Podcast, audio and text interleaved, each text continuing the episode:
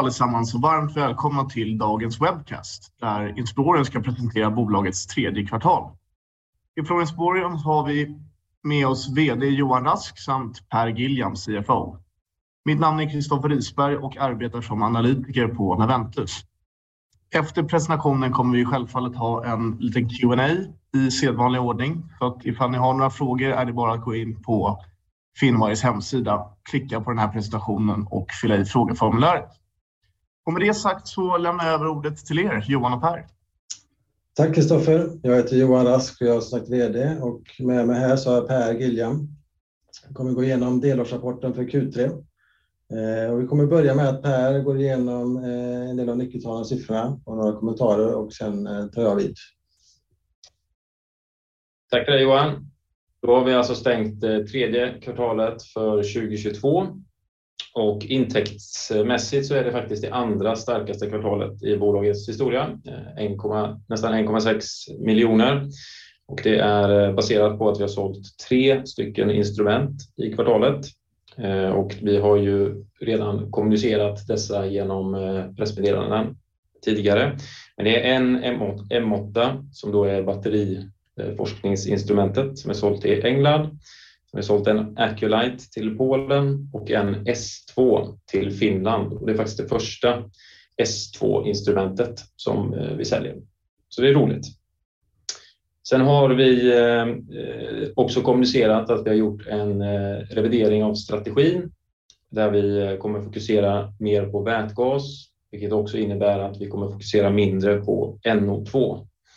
Eh, I och med att vi har balanserat eh, en del i balansräkningen så innebär detta att vi gör en nedskrivning i kvartalet på eh, NO2-sensorn på 3.3 miljoner. Likvida medel när vi stänger kvartalet är 32.7 miljoner. Och Vi har inga särskilda väsentliga händelser efter kvartalets slut. Det var det jag tänkte säga Johan. Tack Per. Eh, som Per nämnde så kommunicerar vi en ny strategisk inriktning. Eh, det här är ganska ordagrant taget ur pressreleasen som jag misstänker att många redan har läst. Det handlar helt enkelt om att vi fokuserar på vätgas och bibehåller instrumentaffären. Eh, jag kommer att kommentera vätgassidan lite mer i detalj på kommande slides. Men Det innebär ju också då en fokusering. Eh, innebär helt enkelt att vi nedprioriterar eh, andra områden där vi inte tycker att det finns rätt tekniska eller marknadsmässiga förutsättningar. Då pratar vi volymsensorn för batterimätning, ofta kallat InBat. Inte att förväxla med M8 som är forskningsinstrumentet för batteriforskning. Eh, samt sensorerna för att mäta kvävedioxid. Vår strategi framåt är likt det vi har sagt tidigare egentligen att bevisa teknologin i kundfinansierade vätgasprojekt och därigenom nå kommersiell framgång. Som eh, ni vet så har vi två stycken kundfinansierade icke namngivna projekt eh, i dag som vi jobbar på och där är ambitionen naturligtvis att ha flera. Eh, vi artikulerar också att vi vill accelerera vägen framåt i kommersiell fas genom att undersöka alternativa vägar som partnerskap, samgåenden och förvärv eller kombinationer därav ska man säga. Tittar man på vätgas. Eh, på det stora hela, vätgas för en grönare framtid. Eh, tror inte det är någon som har missat att grön vätgas anses vara en nyckel till en mer hållbar värld. Eh, just nu så lanseras det massiva initiativ i stor volym för att accelerera övergången. Eh, några att nämna, H2Scale, eh, amerikanskt, ligger under Department of Energy. REPowerEU är eh, ett stort projekt för att bli fria från beroendet av fossil energi från Ryssland. Clean Energy Partnership, också en accelerationsinitiativ. Relativt nyligen under sommaren här så lanserade president Biden ett program där man får 3 dollar i tax credit per kilogram hydrogen. Eh, det där är riktigt stort. Eh, med det så har USA steppat upp rejält eh, på den här marknaden. Som vi har sagt tidigare, det finns många belopp på vad man tror att det kommer att investeras. Det finns flera olika, men Hydrogen Council tillsammans med Kinsey spår 500 miljarder US-dollar till 2030. Det är en stor siffra, men jag ska säga att jag tror på den. Det kommer att investeras otroligt mycket och det kommer behövas mer för den delen också. Man ska inte heller glömma att vätgas idag eh, används i rätt stor utsträckning. Eh, ungefär 5-6 procent av eh, naturgasen idag används för att producera vätgas och 1-2 procent av kolen för industriella processer. Till exempel konstgödsel är ett sådant område. För att ersätta detta och för att komma in och kunna växa de olika applikationerna och end user case så kommer det behövas stora mängder grön vätgas Eh, framöver. Eh, det är någonting vi tror är en lukrativ framtid. Tittar man på behovet av vätgassensorer eh, inom det här området så kan man koka ner det till två saker egentligen. Det ena är safety. Det här är en brandfarlig gas. Den luktar heller inte. Den är också väldigt liten så att den kan tränga igenom ganska mycket saker, även metall för den delen. Säkerhetsfrågan står och har och kommer att stå eh, ännu högre på agendan framöver för att möjliggöra övergången helt enkelt. Eh, tittar man på effektivitet, eh, så både när man tittar på i produktion av vätgas, vill man ha så hög yield som möjligt, det är pengar på sista raden. Men även i många processer, till exempel stål- och järnindustrin, så vill man självklart kontrollera att man ligger inom rätt parametrar. Det kan för övrigt också bli en säkerhetsfråga om du går utanför de parametrarna. Vad är då vår så säga rätt eh, right to play? Eh, vad gör vi här? Eh, gå tillbaka och kort förklara vår plattform för att mäta vätgas. Vi har en nanosensor som är optisk i sin natur och på den har vi olika ytbeläggningar och det vi kallar då nanodiskar som kan vara olika legeringar av palladium. Kombinationen av ytbeläggningar och palladiumlegeringar i olika former är det som gör att vi kan få rätt sensoregenskaper för rätt applikation. Eh, det kan vara rätt så stora variationer i vad man vill se i en applikation. Det kan vara stora höga koncentrationer, låga koncentrationer, olika temperaturer, tryck eh, med mera. Och Vad är det då för egenskaper och nyttor som det här ger? Jo, vi är selektiva för vätgas. Eh, det är inte jättemånga sensorer ute som är faktiskt selektiva. Eh, här får vi direkt ett stort intresse när vi pratar med företag eh, och kunder och man kommer till oss för att man ser att det här är helt enkelt svårt. Eh, vad är nyttan med det då? Jo, till exempel kan man då detektera vätgas i andra typer av gaser. Ta metan som ett exempel, där man tittar i Europa på framförallt på att blanda in vätgas i griden för metan. Men även i andra situationer där man vill mäta vätgas i närvaro av andra gaser. Väldigt ofta är sensorer eh, som är på korsreaktiva. Den är snabb, eh, vilket möjliggör snabba beslut. Det har naturligtvis betydelse i säkerhetsfrågor, eh, men självklart också i processfrågor. Ju längre det tar innan man tunar in sin process, desto mindre pengar blir det på sista raden. Flexibiliteten är en viktig faktor för oss. Genom precis det som jag nämnde med ytbeläggningar och de olika legeringarna, så kan vi då anpassa sensorn för olika miljöer. Sist men inte minst, den optiska utläsningen. Eh, sensorn är optisk i sin natur, vilket gör att vi kan frikoppla sensorn från elektroniken, vilket gör den naturligtvis säker. Eh, men det kan också göra att man kan få tillgång eller möjlighet till andra formfaktorer.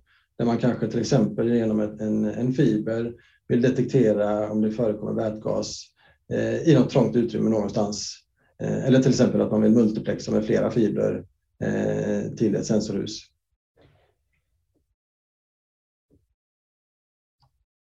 Det var lite väldigt kort om marknad, teknologi.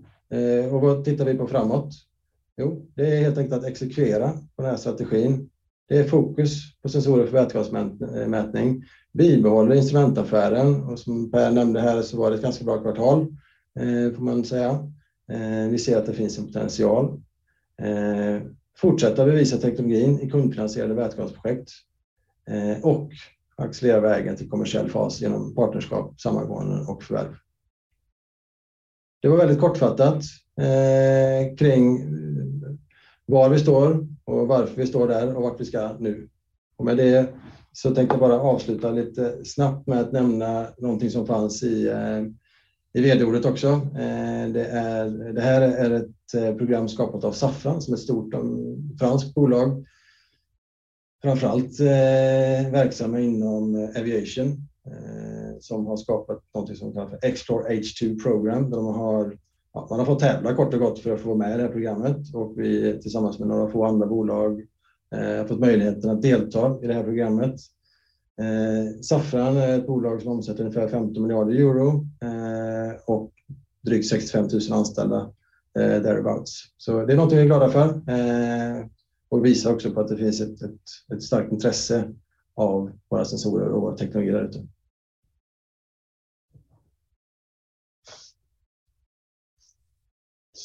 Sådär.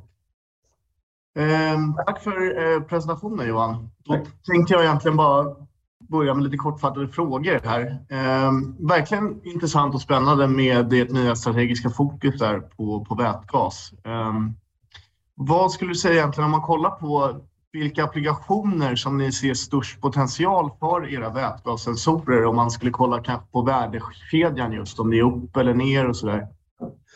Det, man kan ju vi har, vi har inte kommunicerat någon, någon, specifik applikation eh, och när vi inte har en namngiven kund ska vi heller inte tala om applikationen specifikt. Men om man tittar på hela eh, den nya vätgasekonomin så ju tidigare i värdekedjan man befinner sig desto, som anser vi och många med oss för övrigt, att det är ett säkrare ställe att vara. Det kommer att behöva produceras, det kommer att behöva lagras och transporteras åtminstone korta sträckor.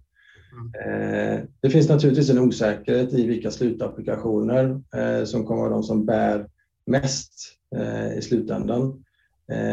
Sen kan det naturligtvis vara så att för vissa slutapplikationer så kanske man kan ha en sensor som passar flera olika applikationer. Så vi utesluter naturligtvis inte det också. Men någonting man också kan säga, förutom att det är lite säkrare att hålla sig tidigare i värdekedjan, eh, så är safety gäller i alla applikationer mer eller mindre på ett eller annat sätt. eller leak detection som vi kallar det. Eh, just det. Just det. Om man tittar lite grann på den framtida makrotrenden i kanske det kortare perspektivet. Det här är ju, som ni är inne på, det är väldigt stora satsningar, 500 miljarder USD fram till 2030 och så vidare. Men om man pratar kanske om nästa och nästnästa år, hur makrotrenden just i, i de här vätgasinitiativen skulle kunna se ut. Det, ja, det, det, är en väldigt bra fråga eh, och den som visste det exakta svaret på det. Eh, ja. Däremot, jag kan faktiskt tipsa alla som är här att eh, det norska Veritas släppte en rapport eh, om vätgasområdet här nu i somras eh, som ger faktiskt en ganska bra överblick om vad de tror i alla fall. Eh, jag tror att kommer vara ett, ett ganska stort fokus på att titta på, på produktionssidan den kommande tiden och för det behöver man också skapa förnybar, förnyelsebar energi. Annars är, annars är knappast vätgasen grön, eh, om man säger så. Men parallellt med det så ser vi att det finns väldigt mycket initiativ för att titta på applikationer där vätgasen kan användas. Eh, där finns det mycket pengar för att stötta de initiativen. Eh, och det, det är någonting man också kan vara med och få en bit av kakan. Man kanske ska vara lite mer försiktig i vilka typer av projekt man går in i. Eh, helt enkelt beroende på att ja, det finns pengar för en projektfas. Men det kommersiella nyttjandet av den här produktionen kan ju sedan dröja ett tag. Eh, men som sagt, kristallkulan eh, skulle jag önska att jag hade. Vi, vi kommer naturligtvis väldigt aktivt att monitorera de här sakerna och de program och de projekt som, som eh, både industriell, industriellt men också genom EU och sådana eh, saker eh, lanseras. Just det. Helt klart att det kommer behövas investeras mycket. Mm. Och, och, det kommer se mycket de kommande åren också och ännu mer sen. All right, all right. Eh, då ska vi se här, fått in lite frågor eh, på Finwire. Bland annat eh, har vi en fråga från Christer, det är lite delfrågor. Han undrar egentligen vad status på er vätgassensor är idag. Bland annat då ifall ni klarar industri, industrins krav och hur mycket utveckling det är kvar.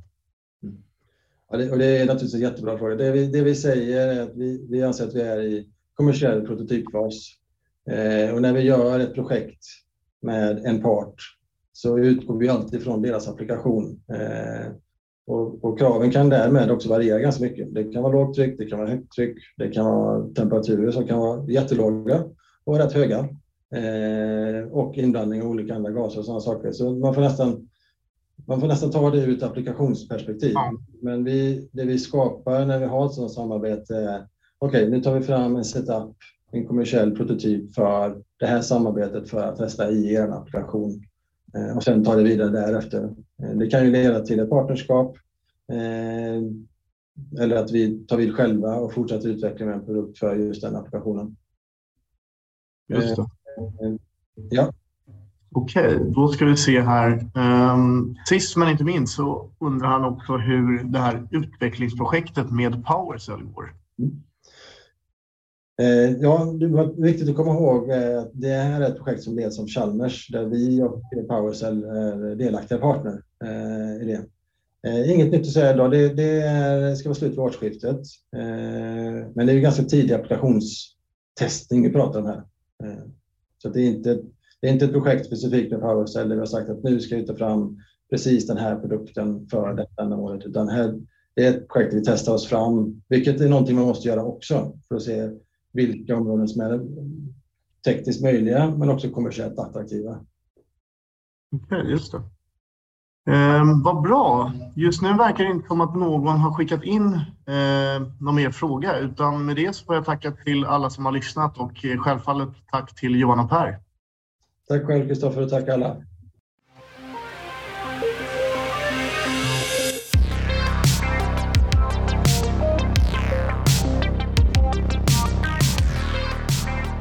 Detta är en produktion från Finwire som har gjorts i samarbete med bolaget. Inga personer i produktionsteamet ägde aktier i bolaget vid inspelningstillfället. Och glöm inte att prenumerera på Finwire-podden här på Spotify samt följ oss på Youtube, LinkedIn, Twitter och även Instagram. Länkarna dit hittar ni i beskrivningen. Tack så mycket för att ni har lyssnat.